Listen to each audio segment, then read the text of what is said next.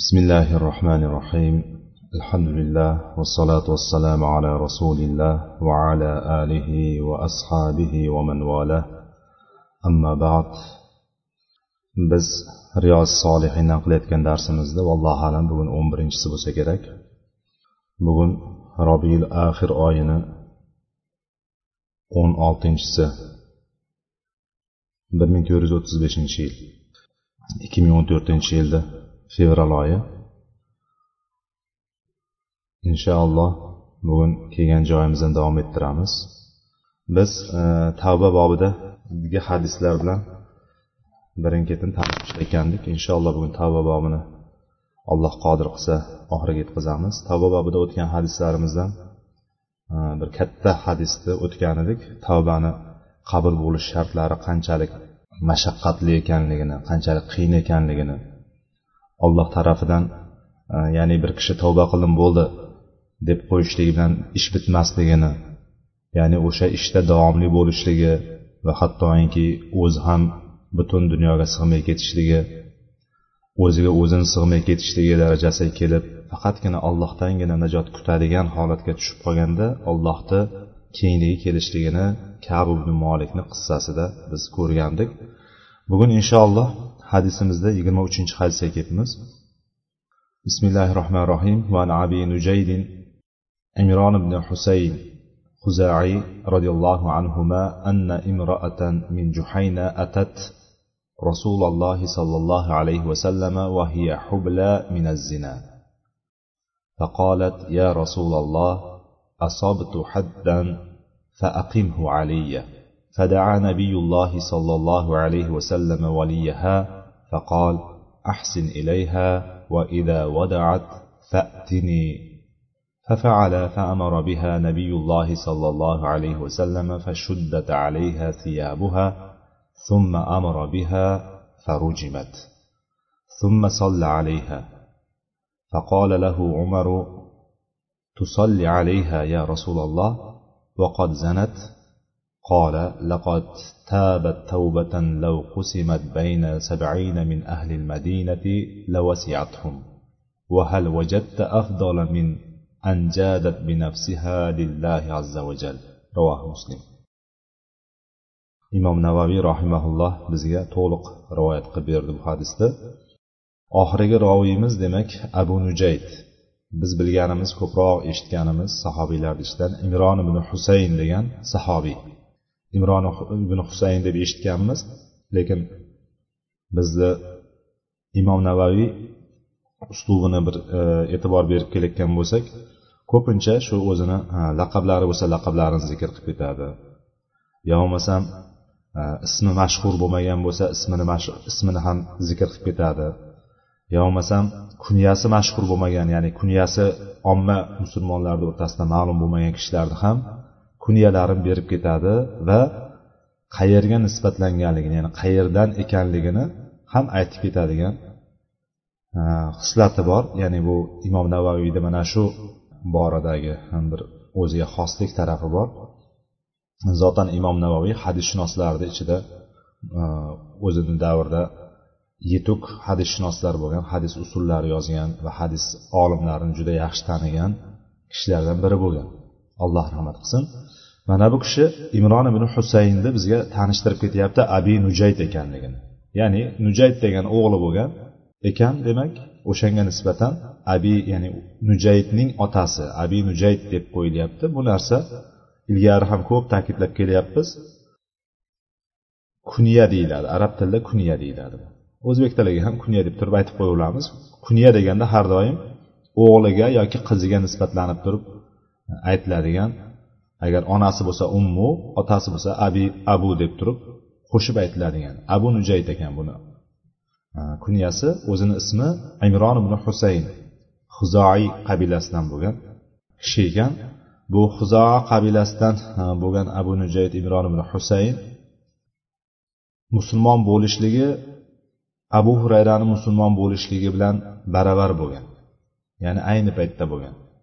Bu hijratni yettinchi yili. Aytuvdikki abu xurayra roziyallohu anhu haybar jangidan keyin payg'ambarimiz sollallohu alayhi vasallamni yoniga kelib turib iymon keltirgan va uch yil atrofida ikki yilu sakkiz oy deydi ba'zilar ba'zilar uch yil deydi. Ya'ni bunday umumiy qilib yuborgan paytimizda ya'ni ozgina kam ko'pini bitta qilib yuborganimizda uch yil yonida bo'lgan. Ya'ni bu kishi ham imron ibn husayn roziyallohu anhu ham hijratni yettinchi yilida musulmon bo'lgan ekan.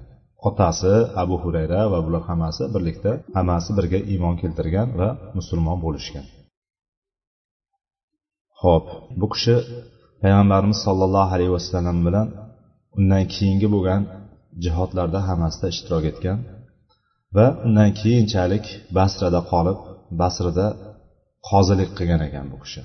Basrada qozilik qilgan o'sha basrani bilamiz iroq iroqda joylashgan. O'sha paytlar iroqni territoriyasi bo'lgan iroqni mintaqa iroq mintaqasi joylashgan. Basra kufa o'sha iroqdagi eng katta shaharlardan bittasi bo'lgan. Mana shu e, basrada qozilik qilib o'sha yerda musulmonlarga dinni o'rgatgan bir yetuk sahobalardan bittasi bo'lgan o'sha. Va payg'ambarimiz sollallohu alayhi vasallamdan bir yuz saksonta hadis rivoyat etgan ekan. Alloh u rozi bo'lsin. Ho'p biz hadisga kirishamiz. Endi hadisda ozgina biz o'zimiz e, odatimizga ko'ra ozgina roviy bilan hadisda rivoyat qiluvchini roviy deymiz. Ya'ni ba'zi atamalarni ham bitta bitta berib ketyapmanki o'sha e, qisman bizni xotiramizda qolsa bizni aqlimizda qoladigan bo'lsa o'shani foydasi bor. Ya'ni roviy deganda hadisda rivoyat qiluvchi tushuniladi. Oxirgi rivoyati kishini ham aytadi yoki ichidagi zanjir bo'yicha uzun zanjir bo'lsa besh kishilik olti kishilik zanjir bo'ladigan bo'lsa ya'ni undan bundan bundan bundan bundan kelgan hammasi bo'lsa hammasi hadis roviylari deyiladi. O'sha hadisni roviylariga ko'ra hadisni roviylari kimligiga ko'ra hadis sahih bo'ladi hadis hasan bo'ladi hadis zaif bo'ladi va mana shu turlarga ajraladi. O'shanga ko'ra kimni hadisda biz payg'ambarimizdan kelgan hadis zaif deyilmaydi. O'sha san'at bilan ya'ni o'sha roviylarni ichida bittasini zaif bo'lib qolishligi zaifligi qanday? Xotirasi kuchli emas deylik xotirasi kuchli emas bir yoki muruatsiz deydi muruatsiz degani e, o'sha paytlarda muruat borasiga kiritilgan narsalardan masalan ko'chada bosh yalang yurishni ba'zi bir territoriyalarda shunaqa ko'rishgan bosh kiyim kiyadigan joylarda hamma odatda hamma bosh kiyim kiyib yuradigan erkaklar bosh kiyim kiyib yursa bosh kiyim kiymasdan yurganini muruatsiz hisoblangan yoki ko'chada narsa yeb yurishlik turib suv ichishlik ya'ni sunnatga sunnatga teskari ishlarni qilishlik ham mana shu muruatsizlikka olib kelgan va ba'zi bir gunohlarni qilganligini kichkina gunohlarni ochiqchasiga qiladigan kishini fisq deb atalgan. Mana bular o'shandan tushadi ya'ni. Yoki bitta hadisni rivoyat qiladi bitta hadisni yoki bitta gapni gapiradi. Bir yildan keyin yoki bir oydan keyin yoki ikki oydan keyin uni boshqacha qilib aytadi yoki so'rasa eslolmaydi. Mana bu holat xotirasini zaifligi hisoblanadi va hadisga had u kishidan olingan hadis zaif deyiladi. Mana shuni bilib olaylik. Ya'ni bu yerda roviy deganimizni roviy haqida gapirayotgandik. Roviylarni hisobiga hadis zaif hukmi beriladi ekan yoki hasan hukmi beriladi ekan yoki sahih hukmi beriladi ekan. Biz dalil olayotgan paytimizda nima dalil bo'ladi bizga? Sahih bilan hasan hadislar dalilga yaroqli. Ya'ni mana shu hadis kelgan deb turib ayta olamiz va o'sha hadisga ko'ra mana shu hukm olinadi deb turib aytishimizga haqli bo'lamiz lekin zaif hadis hujjat qilinmaydi. Roviy bizga aytyaptiki e, huzoyi qabilasidan bo'lgan imron ibn husayn bizga rivoyat qilib aytyapti. E, biz bu roviyni ozgina tanishdik. Kim ekanligini? Bu kishi aytyaptiki bir ayol juhayna qabilasidan bo'lgan. Juhayna qabilasidan bo'lgan bir ayol payg'ambar sollallohu alayhi vasallamni yoniga keldi. Vahiya hubla zina. Zinodan homilador holatda keldi. Ya'ni zinodan homila bo'lib qolgan holatda payg'ambar sollallohu alayhi vasallamni yoniga kelib yo rasululloh asobtu hattan faqimhu alayya dedi. Yo rasululloh men shu xat Э, had joriy bo'ladigan ya'ni had vojib bo'ladigan bir ishni qilib qo'ydim.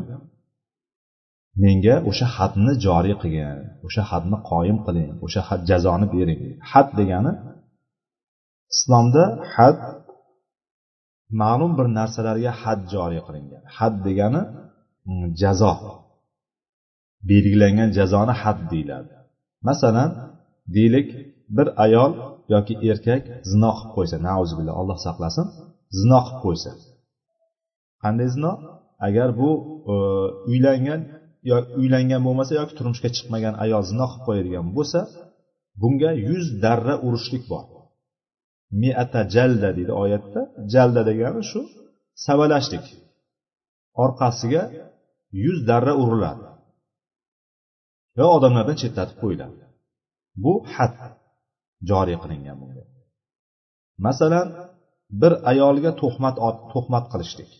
Ya'ni pok ayol o'shanga zino bilan mana shu zino qildi deb turib bir kishiga mana shu fohisha mana shu fohisha ishni qildi deb turib bir kishiga tosh otishlik.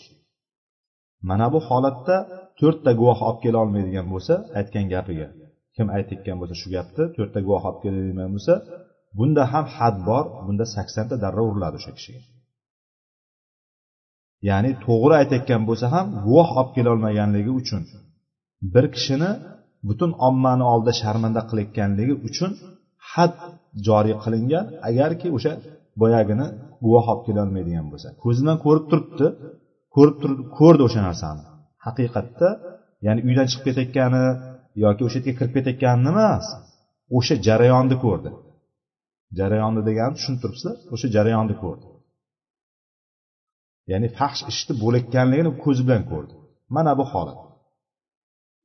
Mana bu holatda to'rtta guvoh o'zi bu narsani qilishlik juda mumkin bo'lmagan daraja. Endi hozir balki yashirin kameralarni qo'yib qo'yib turib olishlik bo'lib turib mana deb turib ko'rsatishlik bo'lmaydigan bo'lsa bu narsani masalan bo'lib turgan jarayonni to'rtta guvohni olib kelib anavi qilolmaydi ya'ni ko'rsatib berishligi juda nodir holatda bu bo'lishligi mumkin bo'lmagan darajada hatto shu jihatdan bu hikmat bor buni tagida nima qilib qo'ydi? Alloh taolo shuni saqlab qo'ydi. Demak bu had joriy qilinadi endi yana bittasi uylangan yoki turmushga chiqqan qachondir nikohlangan balki hozir nikohi yo'qdiru lekin nikohlanib bo'lgan bir marta nikoh ko'rgan ayol yoki erkak zino qiladigan bo'lsa uni toshbo'ron qilinadi.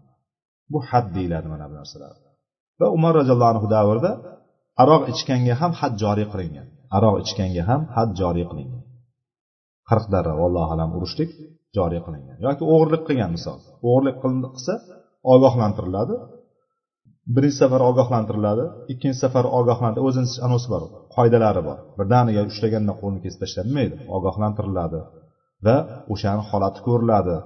Qanaqa holatda? O'sha paytlar ocharchilik bo'lib qoladigan bo'lsa bu uzr hisoblanadi. Bu ya'ni islom e, davlati shunaqa narsaki bitta bir butun ya'ni hamma narsani e'tiborga oladi. Odamlar to'qchilik paytida ya'ni ishlab pul topa oladigan kunni ko'ra oladigan holatda bittasi o'g'irlik qilib qo'ysa o'g'irlikda birinchi ko'rganda ogohlantiriladi va keyingisida yana shu ayni o'g'irlik sodir bo'ladigan bo'lsa qo'li kesiladi. Qo'li kesilganda bilak uzuk sohasidan kesiladi. Ya'ni kaft kesiladi. U qo'l tepasidan kesib tashlanmaydi. O'sha yerdan kesiladi. Bu ham had deydi bu narsani. Ya'ni bu narsani had joriy qilingan. Mana shu had joriy qilingan narsalardan bittasi bitta narsani qilib qo'ydim dedi boyagi. Ayol kelib turib menga hadni joriy qiling. O'sha hadni meni ustimda o'tang ya'ni o'sha jazomni bering dedi. Payg'ambarimiz sollallohu alayhi vasallam uni bir valiysini chaqirdi. Vali deganimizda bilamiz birinchi o'rinda ota turadi. Ota bo'lmasa aka turadi. Aka bo'lmasa undan keyin amaki turadi tog'a turadi. Ya'ni shunaqa yaqin qarindoshlari ya'ni mahramlaridan bo'lgan yaqin qarindoshlaridan erkak kishilar vali bo'la oladi. Ya'ni o'shani qaramog'ida olib turgan kishi vali hisoblanadi. Nima dedi? Payg'ambarimiz sallallohu alayhi vasallam valisini chaqirtirdi.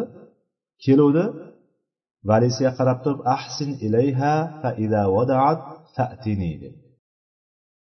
Ya'ni boyagi ayolga qarab turib boyagi erkakka qarab boyagi valisiga qarab turib payg'ambarimiz sollallohu alayhi vasallam aytdilarki buni dedi bunga yaxshi muomala qil dedi. Ahsin ilayha unga yaxshi muomala qil. Chiroyli go'zal muomala qil. Biha. Qachon u bolani tug'adigan tuqqandan keyin menga olib kel dedi. Tug'ib bo'lgandan keyin meni yonimga olib kel dedi. Homilaku bu. Tug'ib bo'lgandan keyin olib kel dedi. U demak o'sha vaqt o'tdi fafaala. Ya'ni o'sha tug'ib bo'lgandan keyin olib keldi boyagi. Valisi olib keldi. Payg'ambarimiz sollallohu alayhi vasallam buyurdilar boyagi ayolni kiyimlariga bog'landi. Ya'ni kiyimlari o'sha kiyib turgan kiyimlari ustidan bog'landi va buyurildi toshbo'ron qilindi. Va toshbo'ron qilgandan keyin nima bo'ldi? Ya'ni o'lguncha toshbo'ron qilinadi. O'ldi. Summa solla alayha so'ngra payg'ambarimiz sollallohu alayhi vasallam unga janoza namozini o'qidilar shunda bu holat bir qiziq ko'rindida. Qiziq ko'ringan tarafi mana umar roziyallohu anhuning holatidan kelib chiqamiz. Umar roziyallohu anhu aytdiki yo rasululloh tusolli alayha ya rasululloh vaqad zanat dedi. Bu zino qilgan bo'lsa ham siz bunga namoz o'qiyapsizmi yo rasululloh? dedi. Zino qildi ya shunday katta gunohni qildi siz bunga namoz o'qidingizmi namoz o'qidingiz a deb turib so'radi ajablanib. Payg'ambarimiz sallallohu alayhi vasallam nima dedilar? Javob berdilarki laqad tabat tavbatan shunday bu ayol shunaqa bir tavba qildiki law qusimat bayna sab'ina min ahli madina. Ahli madinadan madina ahlida kimdi? Madina ahli kim edi o'tgan darslarda o'tgandik. Madinaliklar ansorlar alloh taolo ansorlardan olloh rozi bo'ldi deb turib alohida zikr qilgan ansorlardan bo'lgan yetmish kishini o'rtasida taqsim qilinsa buni tavbasini tasavvur qilasizlar bu shunaqa tavba qildi moddiy narsa deb e'tibor qilinglar. Buni tavba shunaqa qildiki yetmish kishi madina ahlidan bo'lgan yetmish kishini gunohkor kishi deb tasavvur qiling. Hamma inson gunohkor xatokor inson xato xatodan xoli emas. Ya'ni xato qilmaydigan kishini insonni o'zi yo'q. Xato qiladi lekin ummatni eng yaxshisi xato qilsa tavba qiluvchilar va xatolarni o'nglovchilar kishilar. Eng yaxshi kishilar mana shular allohga suyukli bo'lganlar demak xato qilingan o'sha xatokor insonlardan yetmishtasiga agar taqsimlansa lavasiyathum ularga kenglik qilgan bo'lardi ya'ni o'shalarga mo'l ko'l bo'lib ketgan bo'lardi dedilar. Ya'ni o'sha yetmish kishiga ham yetib ortgan bo'lardi. Bunday qilib aytadigan bo'lsak yetib ortardi degan. Yetmish kishini gunohi kechirilib o'sha qilgan gunohlari kechirilib tavbasi qabul bo'lishigacha yetadigan darajada tavba qildi bu xotin وهل وجدت أفضل من أن جادت بنفسها لله عز وجل payg'ambarimiz sallallohu alayhi vasallam davom etdilarki sen dedi o'zini olloh azza va jalla uchun alloh taolo uchun o'zini bag'ishlagan ya'ni o'zini taslim qilgan o'zini fido qilgandan ko'ra ham afzalroq birontasini ko'rganmisan dedilar. Birontasini topganmisan dedilar umar roziyallohu anhu. Ya'ni savol bilan ya'ni o'zini hattoki kelib turib o'zini fido qiladigan jonini bag'ishlab yuboradigan darajada e, kelib turib aytishligi bu narsa eng katta nimadan? Bundan ko'ra kattaroq narsa yo'q. Bu rivoyatni imom muslim rivoyat qilgan ekan. Imom muslimni bilamiz sahih kitoblarimizni ichida Э, uchinchi o'rinda turadi. Birinchisi qur'on bo'lsa sahihligida hech shubhasi bo'lmagan. Ikkinchi o'rinda qur'ondan ikkinchi manzilatda sahihligi jihati e, kuchli bo'lgan hadislarimizdan hadis kitoblarimiz buxoriyniki bo'lsa undan keyin imom muslimniki turadi. Ya'ni uni hech kim buni ichida zaif hadis bor deyolmaydi shu kungacha demak ulamolar tekshirib ko'rib qayta qayta o'shalarni solishtirib roviylarni bitta bitta tekshirib chiqqandan keyin bu narsalarni aytishganki imom buxoriy va muslimni hadis kitoblarida zaif hadislar yo'q deb aytishgan. Demak mana shu e, darajada bizga yetib kelgan. Endi bu holat bu imom muslimni rivoyatlarida keldi. Imom muslimni boshqa bir rivoyatlarida ham xuddi shunga o'xshagan bir holat ham bo'ladi. Unda sal boshqacharoq ketadi e, boshqacharoq holat balki ayni shu juhayna qabilasidan bo'lgan ayni ayoldir. Endi bu yerda sal tafsiloti bor. Boyagi aytayotgan hadisda tafsiloti bor. Boyagi kishi keladida e, boyagi ayol keladida payg'ambarimizga men shu homilador bo'lib qoldim zinodan degandan keyin payg'ambarimiz sollallohu alayhi vasallam bor qayerda kelasan? deb jo'nataveradi. Ya'ni sizlar ba'zi balki shu hadisni eshitgan bo'lsalaringiz e, ya'ni hayron bo'lib qolish kerak emas chunki bu narsa bor. Ya'ni o'shanda bor e, shunga tug'ganingda kelasan dedi. Boyagi ketdi. Oradan oylar o'tdi. Tug'ib keldi u. Bolasini quchoqlab qo'ynida ko'tarib keldi. Payg'ambarimiz sallallohu alayhi vasallam yo rasululloh mana men bu bolani tug'dim. Endi menga haddi joriy qil deydi boyagi ayol payg'ambarimiz sallallohu alayhi vasallam bor bolani emizginda ovqatga kirganda olib kelasan dedi. Ya'ni hattoki payg'ambarimiz sollallohu alayhi vasallam uni fikrdan qaytarmikan? Fikrdan qaytsa shu bo'yi yopiq yopiq qozon yopiqligicha qolardi. Yopiq qozon yopiqligicha qorardi. Lekin bu yerda bor tug'ib kel degandan keyin oradan oylar o'tyapti balki uch oy o'tgandir balki yetti oy o'tgandir balki to'qqiz oy o'tgandir. Alloh biluvchi shuncha vaqtni ichida inson hali ham tavba qilishni va tavbani qilgan gunohini shu dunyoni o'zida o'tashlikni qalbiga tugib o'tiribdi. Inson e, bir gunoh qilib qo'yadigan bo'lsa boyagi shijoatlanib ketgan paytida inson o'zidan boyagi nafratlanib ketib qolgan paytda pushaymon bo'lib turgan paytda o'sha narsaga qilishgani bo'lib qoladi. Lekin ma'lum payt biroz vaqt o'tgandan keyin sal yana holat iziga tushib boshlagandan keyin inson boyagi narsada qilishlikka u bir payt aytib qo'ygan bo'lsa endi o'shani qilishlikdan sekin orqaga chekilib boshlaydi. Insonni tabiati shu. Shuning uchun ham bunga muddat berdi lekin bu muddatda ham boyagi qaranglar tavbasini boyagi qaytmasdan yana davom etdi. U keyin nima qildi?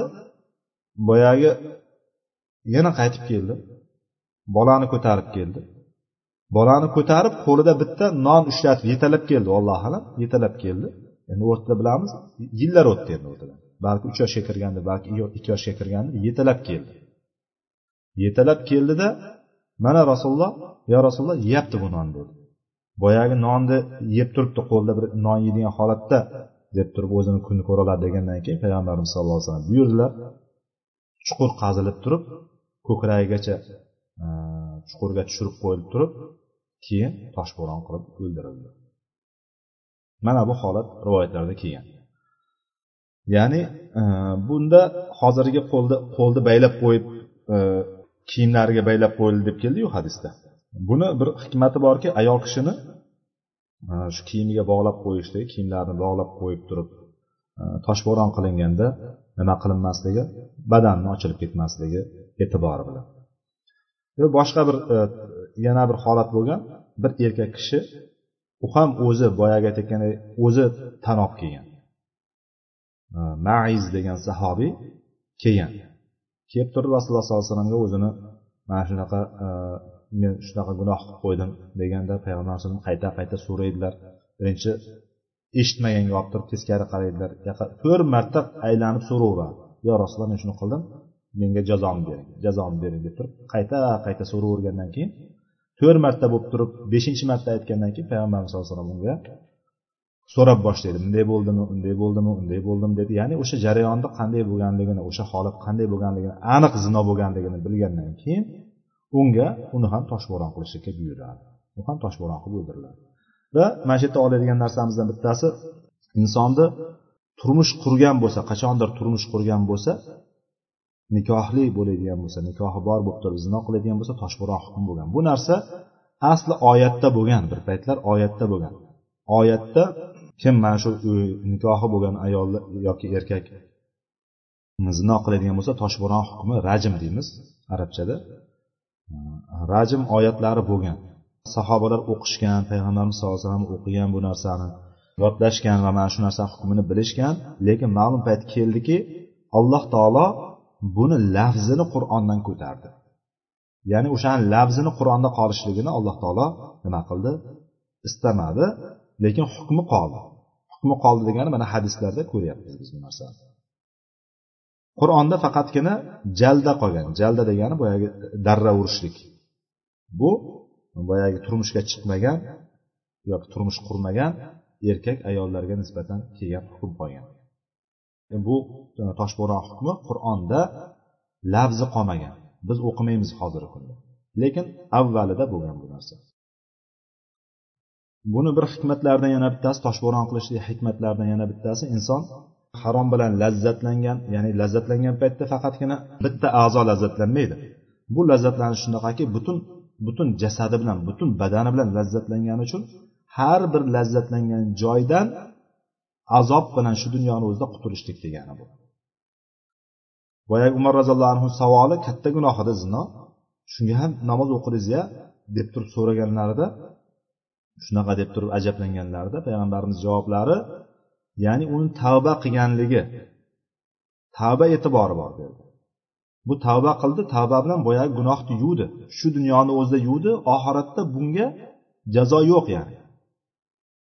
Ya'ni o'sha maiz degan sahobiyni ham bir shunaqa holat keladiki maizni holati boya ikkinchi erkak kishi dedikku maiz degan sahobiyni ustidan sahobalar ba'zi bir ikkita sahobalar gapirishadi bunday edi bunday deb turib bir ikkita gaplarni borib kelmasa edi yo bo'lmasa bunaqa qilmasa edi deb turib bir ikkita gapni gapirgandan keyin payg'ambarimiz u qaytib kelayotganda shu namoz janozasini o'qib qaytib kelayotganda boyagi gapirganlar kim edi ha? deganda biz edik. Payg'ambarimiz eshitib qo'yib indamaydilar boshida. Sizlar bir eshakni vallohu alam eshakni o'ligi yotgan bo'ladi. Mana shu eshakni o'ligini yeyishni xohlaysizlarmi? deydi jasad. O'lim tik yotibdi bo'p ham eshak. Mol emas qo'y emas boshqa emas go'sht yeyiladigan o'zi insonni tabiati o'lim tikdan jirkanadigan tabiat qilib yaratilgan o'shani yeyishni xohlaysizlarmi dedi. Yo'q dedi boya aytgan gaplaring bundanda yomonroq dedi. Ya'ni bir kishini ustidan gapirishlik haqida gap ketyapti bu yerda va aytdilarki hozir u dedilar jannatda o'tiribdi dedilar. Jannat hovuzlarini o'sha maizni jannatda ekanligini payg'ambarimiz sollallohu alayhi vasallam aytdilar o'sha yerda. Qaranglar maiz zino qilib qo'yib turib jannatda o'tiribdi. Bu degani zino qilib turib zino bilan jannatga ketdi degani emas. Zino qilib qo'ydi gunoh qilib qo'ydi gunoh ekanligini bildi pushaymon bo'ldi va pushaymon bo'lganligi ham yetmasdan kelib turib payg'ambarimizga iqror bo'lib turib o'zini jazosini olib turib jannatga kirib ketdi. Payg'ambarimiz bashorat bergan jannatda o'tiribdi deb to'xtasi mana shu gunoh qancha katta bo'lmasin shuning uchun birovni ustidan hukm qilishlikdan biz qo'rqishligimiz kerak ekan. Chunki biz bilmaymizki alloh taolo yashatib turibdimi unga qachon iymon berib turib qachon uni yoki kofir holatda jonini olishligini bilmaymiz. Bir kishi umri davomida ibodat qilib turib lekin oxirida do'zaxga kirib ketishi mumkin. Nauzubillah bitta gapni gapirib qo'yadida do'zaxni qa'riga kirib ketib qoladi. Yo bo'lmasam bitta ishni qilib qo'yadida do'zaxni qa'riga kirib ketib qoladi. Nauzubillah alloh saqlasin. Lekin bir kishi bor gunoh qilib yuribdi kerak bo'lsa kofirdir kerak bo'lsa mushrikdir. Kutib yuradi yuradi yuradi yuradi. Alloh taolo muddat yashatib turibdimi? Yashayab turgan ekan. Yashash muddatida oxirida alloh taolo iymon berishlik ehtimoli yo'q emas. Jonini oladi iymon holatda oladi. Bunga ko'p hadislar bor yetarlicha hadislar bor bunga. Hadislar oyatlar yetarlicha bor. Ya'ni shuni bilaylikki tavbaga shoshilishlik farz. Tavbaga shoshishlik har bir gunohdan tavba qilishlik kerak deb boshida aytuvdik har bir gunohga tavba qilishligimiz kerak. Gunoh kabiralar bo'lsa albatta tavba qilishligimiz kerak. Katta gunohlar qilib qo'yadigan bo'lsak katta gunohlar haqida biz ma'lumotga ega bo'lishligimiz kerak. Ular yetmishtadan ziyodroq deb aytishadi. Bu gunohlarni o'qib ko'radigan bo'lsak bular har bittasiga tavba kerak deydigan bo'lsak biz ko'rib qo'rqib ketamizki hayotimizda har kun bo'lib turganligi o'sha holatda bo'lib qolayotganligini ko'ramiz ya'ni. Shuning uchun bir kishiga biz ahli sunna va jamoa e'tiqodini asoslari shunaqaki biz bitta narsaga aytadigan bo'lsak umumiy aytamiz mana bu ishni qilsa mana bu ishni qilishligi kofir mana bu ishni qilishlik kofir. Misol iymon keltirmasdan yurishlik masalan shahodat kalimasini aytmasdan yurgan kishi masalan deylik musulmon oilada tug'ilmagan nasroniy oilada yoki yahudiy oilada qaysidir oilada tug'ilmagan tug'ilganda ashhadu an la ilaha illalloh ashhadu anna muhammadan rasululloh degan islomni birinchi ruknini aytmaydigan bo'lsa shahodat kalimasini keltirmasa biz musulmon deb e'tibor qilmaymiz uni. Ya'ni o'sha deb ayta olamiz. Ya'ni o'shanday bo'lsa musulmon emas namoz o'qimasa musulmon emas. Ya'ni bu bu ham kimga tegishli? Musulmon oilada bo'lmagan boshqaga tegishli. Ya'ni buni qilmasa bu ham musulmon emas. Bu ham qilmasa bu ham musulmon emas deb umumiy tarzda aytamiz. Lekin xos kishilar uchun falonchi sen jahannamda bo'lasan deyishlikdan biz ahli sunnani tilimizni tiyamiz. Chunki hatto o'sha yerda turgan zolimni agar biz ayta olishligimiz mumkin bo'lgan narsa agar shu holatda o'lib qolsa do'zaxga ketishligi mumkin deymiz. Shundan ehtimol bilan aytamiz. Chunki alloh taolo uni oxirgi holatda qanday jonini olganligini biz bilmaymiz. Hukm ollohnikidir hukm ollohniki faqat ollohniki biz birovni ustidan hukm qila olmaymiz. Mana shu narsani yaxshilab bilib olishligimiz kerak ekan. Ya'ni umumiy gapni gapira olamiz lekin xos narsani biz ayta olmaymiz. Va toshbo'ron qilayotgan paytda yana bir hukmni bilib olaylik. Katta tosh bilan urilmaydi. Katta tosh ya'ni bir urganda o'ldirib qo'yadigan ezib qo'yadigan majag'lab qo'yadigan tosh bilan urilmaydi. Urilayotgan paytda kichkina tosh bilan ham urilmaydi. Ya'ni bir kunlab otsa ham o'ldira olmaydigan kichkina kichkina e, toshlar bilan urilmaydi. Ya'ni o'rtacha tosh bilan uriladiki o'sha tosh tegishligidan har bir joyiga tegishi bilan uni o'ldirsin tez ham o'lib qolmasin sekin ham o'lmasin ya'ni o'rtacha o'lsin degan holat keladi. Bu narsa e, islomni shariatning hikmati bu shariatga muvofiq bo'lishligi bilan bu narsa o'sha ishdagi ehson hisoblanadi. O'sha ishdagi eng yaxshi ish hisoblanadi. Bittasini o'ldirsak o'ldirish kerakmi? Ha o'ldirish kerak. O'ldirayotgan bo'lsa alloh taolo nima deydi? Hadisda nima deymiz?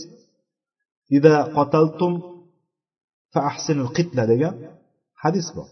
Agar o'ldiradigan bo'lsalaring o'ldirishlikda ehson qilinglar degan bor o'ldirishda ham ehson qilsa bo'ladi o'ldiryaptiku. Qanday ehson bo'ladi o'ldirsa? O'ldirishda ehson qilishlik degani bittasi masalan deylik qilich bilan kallasini olib tashladi unga ham qisosan uni ham kallasini qilich bilan olib tashlanadi bittasi mana shu ehson hisoblanadi. Qanday o'ldirilsa xuddi shunday o'ldirilishligi bor. Bir kishi birinchi qo'lini chopsa ikkinchi qo'lini chopsa keyin oyog'ini chopsa keyin ikkinchi oyog'ini chopsa keyin boshini olaylik o'ldirgan bo'lsa bittasini uni ham ayni shu tarzda o'ldiriladi. Qo'lga qo'l oyoqqa oyoq tishga tish quloqqa quloq. Burunga burun har bitta a'zosi baravar qilib turib o'ldiriladi. Mana bu narsa islomdagi ehson hisoblanadi. Biz bu narsani yaxshi bir biridan ajratib olishimiz zulm islom bunday islom bunday emas. Islomda adolat bor. Bir kishi deylik bittasini urdi. Urib ko'zini ko'r qilib qo'ydi. Uni olib borib qamab qo'ygan bu odam nima manfaat ko'radi? Ya'ni qalbidagi nafrati qalbidagi adovati o'chadimi? Yo'q o'chmaydi. Nima qilarding desa men ham uni ko'zini shunday qilgan bo'lardim. Inson fitrati alloh taolo shuning uchun qo'ydi. U ham borib turib nima ko'zini chiqarishlikka haqli qozi hukm qiladigan bo'lsa shunaqa ko'zini chiqaradi. Yo bo'lmasa o'sha ko'zini chiqargani evaziga pulini to'laydi. Pul ham belgilab qo'yilgan shariatda. Masalan tishga paloncha tuya qo'lga paloncha tuya oyoqqa paloncha tuya hammasi o'ldirib qo'yadigan bo'lsa yuzta tuya. Ya'ni bunday olib qaraydigan bo'lsak bitta insonni yuzta tuya deb turib tasavvur qilishimiz mumkin. Bitta inson yuzta tuya. O'ldirsa yuzta tuya xunini to'laydi. Yo bo'lmasam uni ham o'ldiradi. Agar xunini olishlikni ixtiyor qiladigan bo'lsa xunini to'laydi. Yo'q biz o'ldiramiz deb turib oladigan bo'lsa o'ldiraman. Chunki men bu bilan qalbim taskin topmayapti. Ertaga yuzta tuyani bersa ham baribir ichimda adovat qolib ketadi deydigan bo'lsa qozi hukm qilib beradi o'ldiradi uni ham. Ya'ni islom shunaqa nima? Adolatli adolatni qo'ygan va mana shu yerda ham toshbo'ron qilib turib lazzatlangan har bir narsasini nima qilishlik? O'ldirishlik vojib bo'ladi. Bu narsa qachon? Bu narsa islom hukmi yurib turgan islom amirligi bo'lib turgan deylik islom hukmi yurishligi uchun bir davlat bo'lishligi kerakki islom davlati bo'lishligi kerak. Islom davlati bo'lmagan joyda bu narsalarni hukmni qila olmaymiz biz. Hadlarni joriy qila olmaymiz. Kim qiladi? Islomiy xilofat bo'lishligi kerak amirlik bo'lishligi kerak butun ummat birlashishligi kerak. Birlashgan bitta davlat bo'ladigan bo'lsa va islomni hukmlari hammasi rioya qilinayotgan bo'lsa ana shu holatda bir kishi zino qilib qo'yadigan bo'lsa tavba qilaman deb turib haqiqiy qalbidan kelsa borib turib aytib turib bor to'g'ri qoziga boradi yoki to'g'ri valiyga boradi amirga boradi. Men mana shunaqa qilib qo'ydim desa unga boyagi joriy qilinadi hukm. Shunday qilib tavba qilib turib shu dunyoni o'zida bu qilgan gunohini yuvib ketishligi mumkin. Tavbasini alloh qabul qiluvchi. E, ikkinchi holat. Endi shu ishni qilib qo'ydi.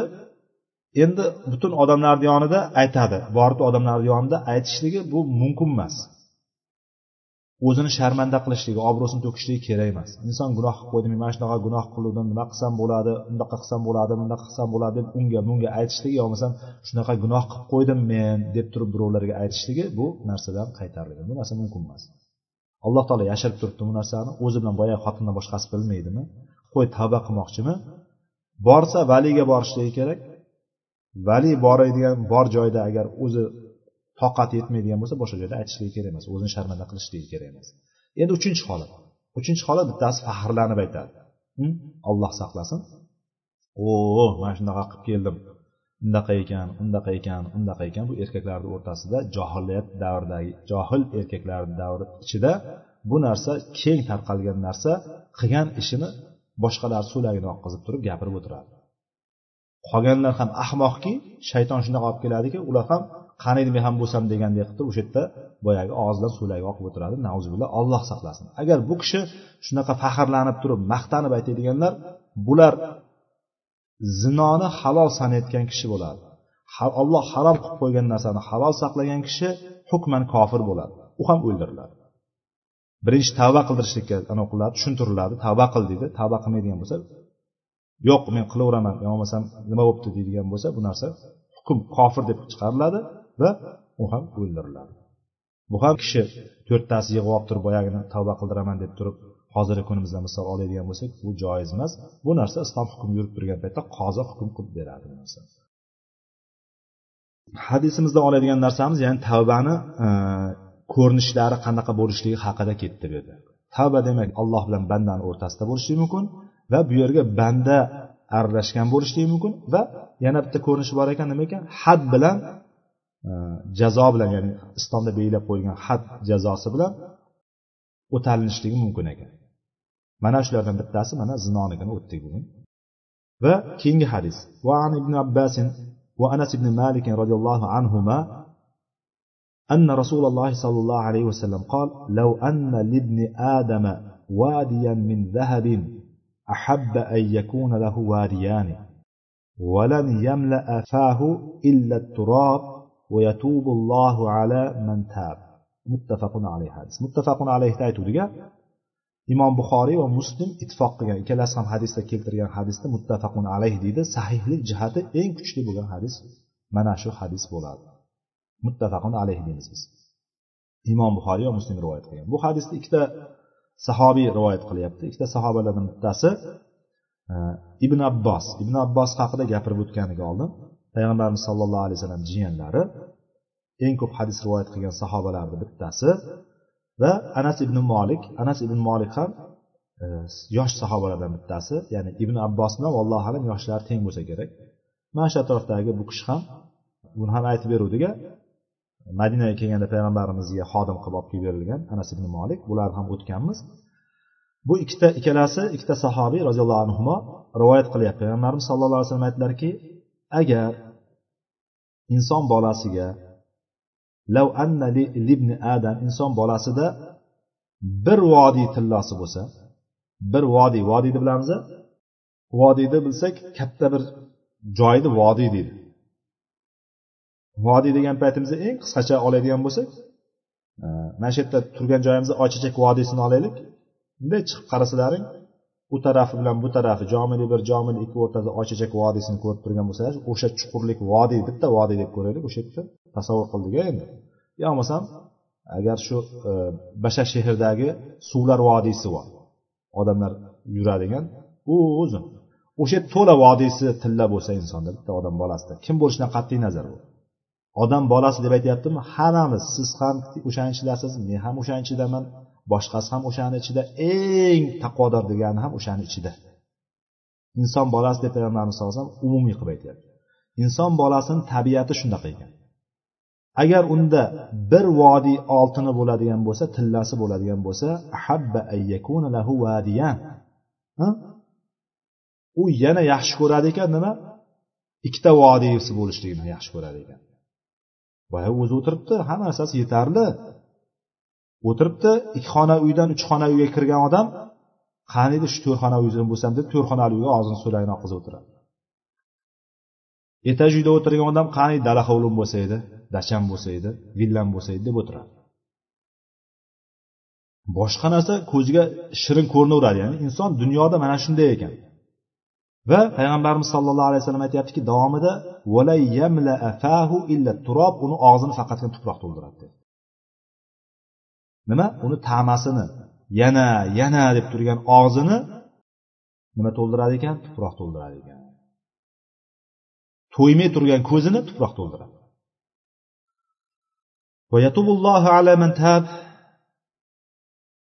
Kim tavba qiladigan bo'lsa alloh taolo uni tavbasini qabul qiladi tavbani nimaga keltirdi bu yerda? Nima aloqasi bor edi hozirgi yuqoridagi gapiga? Demak inson bolasi kim bo'lishidan qat'iy nazar dunyoga intiluvchan bir narsalarni tama qiluvchi xohlovchi tinimsiz orzulanuvchi qilib turib tabiatan shunaqa qilib yaratilganmiz. O'zimizni kiyimimiz bor bittasi chiroyli kiyimni ko'p qolsa men ham menda ham shu kiyim bo'lsa edi degan narsa keladi xayoliga. O'zini uyi bor boshqasini uyini ko'rib qolsa menda ham shu uy bo'lsa edi deydi. Ya'ni bu inson hatto bir vodiy oltin tilla tasavvur qillaring boya vodiy to'la tillasi bor odam ya'ni uni hojati yo'q. Ya'ni u umrini oxirigacha eng katta xarajatlar ishlatsa ham yetib ortib qoladigan bola chaqasiyu nevara chevaralariga ham yetib ortib qoladigan tillasi boru lekin shuncha bo'lib turgan paytda ham yana bitta vodiy bo'lsa edi deb turadi ya'ni inson tamasi to'xtamaydi ekan mana shu tamadan dunyodan chekilishni bitta yo'li shunaqa qalbga dunyo kirib qolmasligidan biz tavba qilishligimiz kerak ekan. Qalbimizga shunaqa narsa kelib qoladigan bo'lsa ko'zimiz to'ymaydigan so'rashlikdan to'ymaydigan yana yana deyishlikdan biz o'zimiz tiyolmaydigan holatga kelib qoladigan bo'lsa biz allohga tavba qilishimiz kerak ekanki bu dunyo hammasi o'tkinchi narsa. Biz o'zimiz bilan hech narsamizni qaytarib hattoki qo'pol qilib aytganda bosh kiyimimizni oyoq kiyimimizni ham olib ketolmaymiz qabrga. Nasib qilsa olloh bitta kafan beradi bizga. Nasib qilsa bitta kafan bilan ko'mishadi agar shu ham nasib qilsa. Mana shu holatdagi hadis rivoyat qilinibdi bu yerda. Demak bu yerda oladigan bizni bobimizga tegishli bo'lgan joyi tavba bobiga tegishli bo'lgan joyi imom navoiy rahimaulloh buni keltirdi. Yatubullohi alayhi man tab kim tavba qiladigan bo'lsa allohga alloh tavbasini qabul qiladi demak tavba alloh taoloni tavba eshigi ochiq. Aytuvdika qachon chegaralanadi qachon to'xtaydi kimga kimni tavbasi qabul kimni tavbasi qabul emas. Deydigan joylari bor. Endi bularga tafsilotiga juda ko'p kirmadik. Boyagi inson bitta gunohni qiladida allohim tavba qildim deydi e, qaytdi. Yana ketadi yana tavba qildim turib yana tavba qildim deydi. Uch martadan keyingisini alloh taolo uni qalbini muhrlab qo'yadi degan oyatlar bor. Inson shuning uchun bitta gunohni qilgandan keyin qaytmaslikka ahd berib turib qattiq o'shani ustida o'zidan butun e, umri davomida o'shani bilan kurashib o'tishligi kerak edi. Alloh taolo tavba qiluvchilardan qilsin bizni ho'p undan keyingi hadis. عن أبي هريرة رضي الله عنه أن رسول الله صلى الله عليه وسلم قال يضحك الله سبحانه وتعالى إلى رجلين يقتل أحدهما الآخر يدخلان الجنة يقاتل هذا في سبيل الله فيقتل ثم يتوب الله على القاتل فيسلم فيستشهد متفق عليه hadis ham muttafaqun alayhi hadis.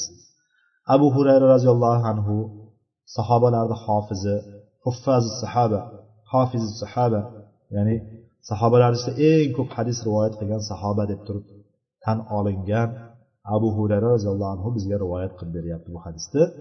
Bu kishi aytdiki payg'ambarimiz sallallohu alayhi vasallam shunday dedilar.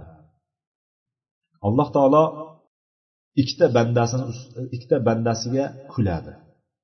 Ikkita bandasiga kuladi. Ya'ni kuladi degan tabassum qiladi. Alloh taolo yadhakulloh subhanahu va taala ila rajulayni ikki kishiga holatiga kulyapti alloh taolo. Bir qiziq ish bo'lsa kulgili bo'ladiyu xuddi shunday alloh taolo kulyapti. Birinchi oladigan foydamiz nima? Alloh taoloni kulishlik sifati borligi. Alloh taolo kuladi. Bo'ldi to'xtaymiz. Qanday kuladi? Kulgan paytimizda hozirgi bizni yuzimizdagi chehramizda o'zgarishligi payg'ambarimiz sallallohu alayhi vasallam sifatlagan paytda payg'ambarimiz sallallohu alayhi vasallam xursand bo'lib ketsalar yuzlari oy oyni bir parchasiga o'xshab ketardi nur taralib ketardi. Ko'rgan kishi bilib turardi payg'ambarimizni xursand bo'lganligini degan narsalar. Masalan inson xursand bo'lib turib kulib turganda inson bilamiz jahl chiqib turganini ham bilamiz oddiy holatini ham bilamiz. Lekin alloh taoloni kulishi bandani kulishiga o'xshaydimi? Biz bu narsani fikr qilmaymiz qandayligini biz surishtirmaymiz. Ahli sunna va jamoani e'tiqodi alloh taolo kuladi tamom. Kulishini kayfiyati alloh taolo qanday kuladi? Alloh taoloni og'zi bormi? Og'zi bo'lsa yonidagi muskullar bormi bizdagi aytayotgan mimik muskullar deydi kulgi ifodasini yoki qayg'u ifodasini bildiradigan e, mimik muskullari bormi mushaklari bormi degan narsani biz nima qilmaymiz? Fikr qilmaymiz. Shu holatda qoldiramiz. Alloh taolo kular ekan. Kulishligi ajablanishligidan.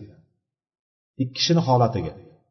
Qanday ekan? Yaqtulu ahaduhumal axar bittasi shu ikkalasidan bittasi boshqasini ya'ni biri ikkinchisini o'ldiryapti. O'ldiryapti qarang. Bittasi ikkinchisini o'ldiryaptida lekin ikkalasi ham jannatga kiryapti. Qizig'i bittasi bittasi bittasini o'ldiryapti. O'ldirgan kishi nima? Do'zaxda bo'lishligi kerak bizni qoidamiz bo'yicha shundaymi? Oyatda ham bor. Oyatda bor borligi qanaqa? Niso surasidan vallohu alam moida surasida kelar ekan. Moida surasida aytayotganda alloh taolo aytadiki kim bir mo'minni qasddan o'ldiradigan bo'lsa uni joyi abadiy qoladigan jahannamdir deydi alloh taolo. Bu holat qanday bo'ldi? Alloh taolo ikkalasi ham kulyapti ekan bittasi bittasini o'ldirdida lekin ikkalasi ham jannatga kirdi. Qiziq bo'ldi qiziq bo'lgan joyini endi olamiz qarang. Yuqotilu hada fi sabilillah. Bittasi o'sha ikkalasidan bittasi olloh yo'lida urushdi. Olloh yo'lida jang qildi. Olloh yo'lida jang qiluvdi fayuqtal o'ldirildi. O'ldirilsa nima bo'ladi? Jang maydonida shahid bo'ladi. Jang maydonida urushdi jang qildi o'ldirildi. Jannatga kirdi bu. Shahid bo'lgandan keyin inshaalloh jannatga kiradi. Shubha yo'q. Iymonni boyagi shartlarida keltirgan paytimizda birinchi niyat bobini o'tdik ixlos niyat. Ixlos bilan jang maydoniga kiradi. Ollohni kalimasini oliy qilish uchun jang qiladi. O'sha yerda o'ldirilsa jannatga to'g'ri jannatga kiradi. Bittasi ma'lum bo'ldi endi. Jang maydonida o'ldirib o'ldirilibdi. Demak bu jang maydonida boyagi uni jang maydonida o'ldiribdi uni. Demak u kofir bo'lgan bu musulmon bo'lgan. Kofir musulmonni o'ldiryaptida bu jannatga kirib ketyapti o'lgan musulmon. Kofir hali yashab turibdi. So'ngra alloh taolo boyagi qotilni tavbasini qabul qildi deyapti. Qanday tavbasini? Ya'ni allohga qaytdi bu. Nimadan qaytdi? Kufrdan. Aytuvdiki, tavbani eng kattasi kufrdan islomga qaytishligi deganlik tavba kalimasi tavba kalimasi qaytishlik ma'nosi bor edi. Ya'ni qilib turgan gunohdan gunoh bo'lmagan ishga toatga qaytishlik deganlik ya'ni allohdan uzoq bo'lgan kishi allohga qaytishligi degan. Boyagi tavba qilibdi qotil o'ldirgan qotil tavba qilibdi alloh taolo uni tavbasini qabul qilibdi fayaslimu u musulmon bo'libdi va u ham shahid bo'libdi ya'ni u ham jangga chiqqan u ham shahid bo'lgan. Ya'ni oldin kofir edi bittasini o'ldirdi jannatga kirib ketdi. Keyin o'zi ham bir muddat o'tgandan keyin bu ham islomga kirdida alloh taolo tavbasini qabul qildi. Nima qildi? Bu ham shahid bo'lib turib bu ham jannatga kirib ketdi. Ya'ni biz shu boyagi aytganimiz ahli sunna va jamoani e'tiqodida bir kishini ustidan hukm bermasligimiz mana shu yerda ham xulosa chiqariladi. Boyagi holatda o'ldirdi. Kofir tarafda turib musulmonni o'ldirdi. Bu jahannamda deymizmi? Hargiz deyolmaymiz. Deyishligimiz bu ollohni nomiga bilmagan holatda gapirishlik bo'ladi. Ollohni hukmiga aralashishlik bo'ladi. Bu insonni do'zaxni qariga o'zini o'sha gapi bilan kirgizib yuboradigan holat bo'lib qoladi. Nauzubillah alloh saqlasin. Bunga ikki kishini misoli hali keladi balki imom navoiy bu hadislarni ham keltirgandir. Ikki kishi bani isroildan bo'lgan ikki kishi. Bani isroildan oldingi ummatlardan ikki kishini payg'ambarimiz sallallohu alayhi vasallam bizga qissa qilib aytib berganlar. Bittasi tirishqoq. Ibodatda juda tirishqoq. Ikkinchisi gunohkor ikkalasi qo'shni. Gunohlarni ochiq qiluvchi kishi. Boyagi tirishqoq ibodatda tirishqoq odam yonida boyagi gunoh ishlarni qilib turgan odamga har o'tganda hey sen bunday qilmagin to'g'ri bo'lgin gunohlaringni yig'ishtirgin endi tavba qilgin deb turib har safar gapiradi. Bir o'tganda gapiradi ikki o'tganda gapiradi. Oxiri bir kuni boyagi ko'radida yana gunoh ish qilib turganini ko'rib turib ey deydi alloh taolo qasam ichaman alloh taolo seni gunoh kechirmaydi deydi alloh taolo seni do'zaxga tashlaydi deganday qilib turib alloh taolo seni hargiz kechirmaydi shu payt alloh taolo ikkalasini ham jonini oladi va huzuriga jamlaydi ikkalasini keltiradi huzuriga olib keladi. Endi hozir biz o'ldi ikkalasi ham o'ldi deylik bittasi tirishqoq ibodatda mustahkam kechasi uxlamaydi uxlamasdan tahajjud o'qiydigan ertalablari bomdodlardan qolmaydigan deylik hamma namoz joyida qiladigan sadoqatlarni beradigan ro'zalarni tutadigan tasavvur qilyapmiz bir kishini. Boyagi aytayotgan zohirdan qaraydigan bo'lsa soqolini qo'ygan yaktaklarini kiygan ko'radigan bo'lsak unday qarasak ha Oh, o mashaalloh deyaveramiz endi qaranglar. Shu holatda o'ldi. Ikkinchisi gunohni ichida o'ldi. Gunoh qilib turibdi o'ldi. Biz nima deymiz? Hukm bersak? Biz hukm bersak mana tirishqoq edi ibodatda edi bunaqa edi bunaqa edi bu jannatga mana mana endi gunohkor edi do'zaxga deymiz. Shunaqa hukm chiqaramiz biz.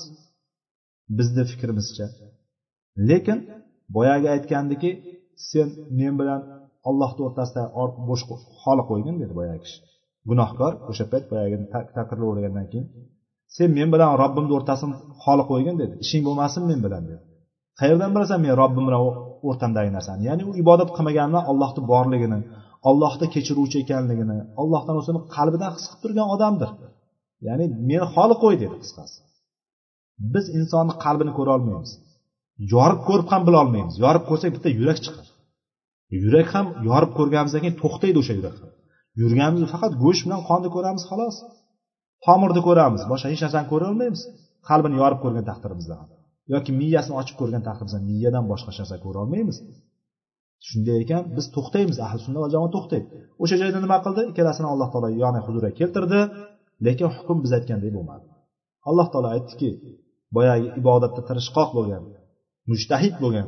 Tinimsiz ibodat qilgan odamga qarab turib agar men buni o'zimni rahmatim bilan jannatga kiritadigan bo'lsam sen bundan to'suvchimisan sen bundan to'sib qolasanmi dedi.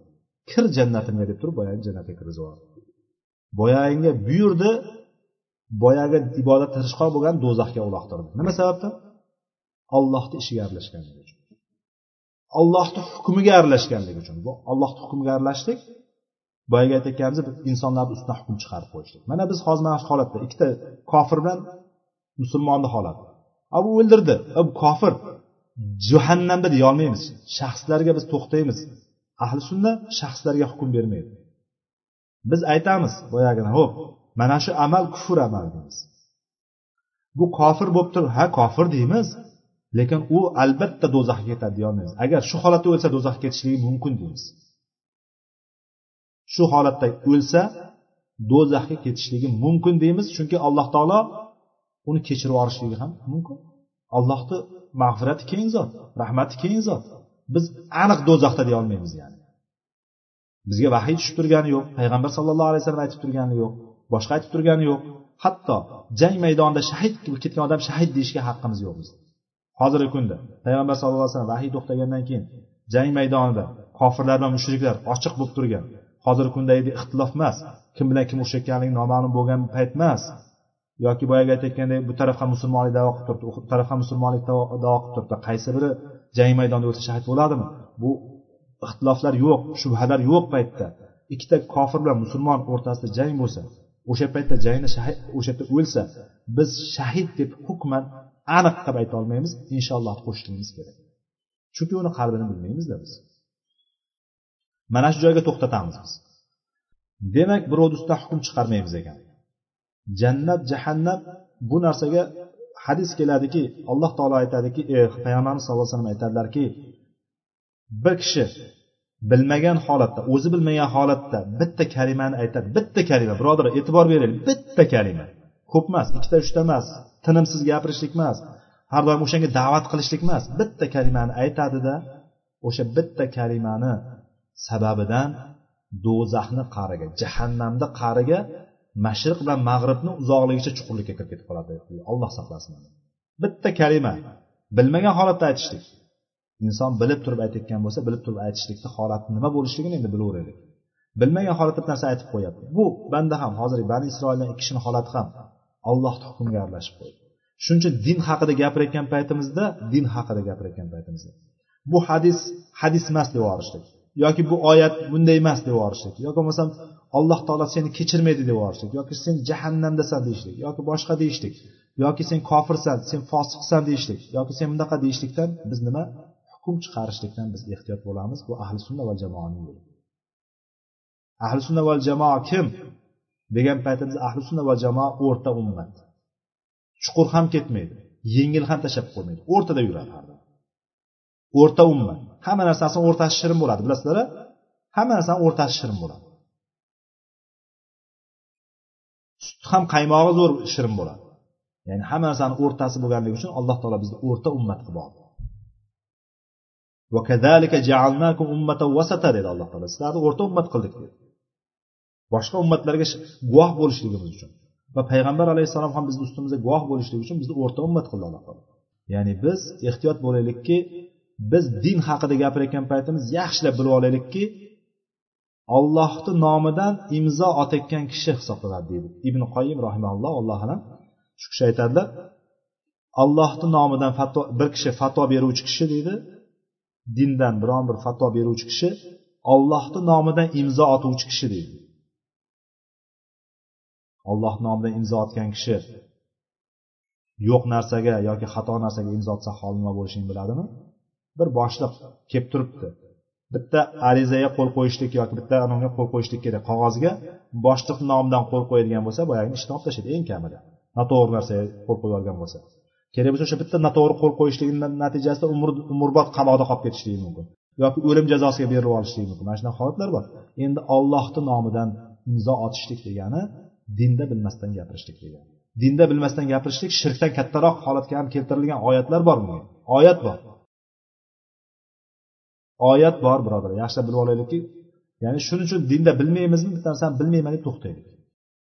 Yo'q bu narsa bunaqa emas bunaqa bunisi bunaqa emas deb turib gapirib yuborishlikdan ehtiyot bo'lishimiz kerak. Shuning uchun ahli ilmlar olimlarni ulamolarni yo'li bilgan narsasini aytishlik bilmagan narsasini to'xtashlik bilmayman deyishlik. Va o'sha joyda gapirayotgan gapini shart shart shart qo'yib yubormaydigan kishilardir. Mana bu narsaga alloh taolo bizni ham mana shu bilgan narsalarimizga amal qilguvchi kishilardan qilsin. Alloh taolo qilgan tavbalarimizni qabul qilsin. Tavba qilguvchilardan va tavbasida e, nasuh ya'ni tavbasi samimiy bo'lgan tavba qilguvchilardan bo'lsin. Qilsin alloh taolo. Bugungi darsimiz mana shu bilan inshaalloh keyingi darsda e, sabr bobidan boshlaymiz. Subhanakallohumma va bihamdik. Ashhadu an la ilaha illa anta astag'firuka va atubu ilayk. Va axiru da'vana anil hamdulillahi robbil alamin.